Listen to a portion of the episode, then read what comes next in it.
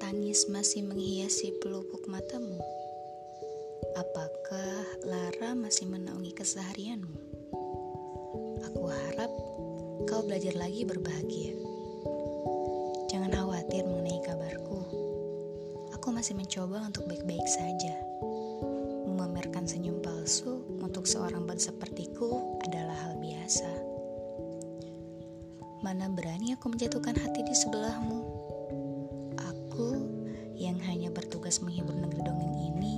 Sudah cukup bersyukur dengan apa yang kita punya. Meski hanya sejenak sebelum akhirnya seseorang sempurna dengan kuda putihnya membawamu pergi lagi dan lagi. Betapa kau riang setiap kali aku menghiburmu dengan hidung tomat dan wajah bercat putihku. Tawamu lepas, mata coklatmu berbinar. Ah, sial. Beruntung sekali dirinya bisa sewaktu-waktu menatap mata yang seakan tercipta untuknya itu. Ketidaktegasan adalah sesuatu yang ada di antara kau dan aku. Kurang ajarkah jika hatiku berharap lebih setiap kali kau menyandarkan kepala lelahmu di bahuku? Kau memang mahir menaruh harapan di hatiku.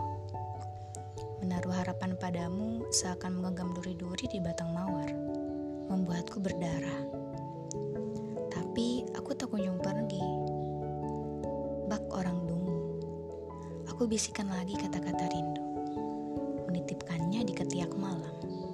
Sebelum rindu itu terlampir, di pagi hari di depan pintu kamarmu, kau tersipu, membalas rinduku dengan senyuman. Ya, sebatas senyuman. Aku tidak pernah tahu di mana sebenar-benarnya perasaanmu bermukim.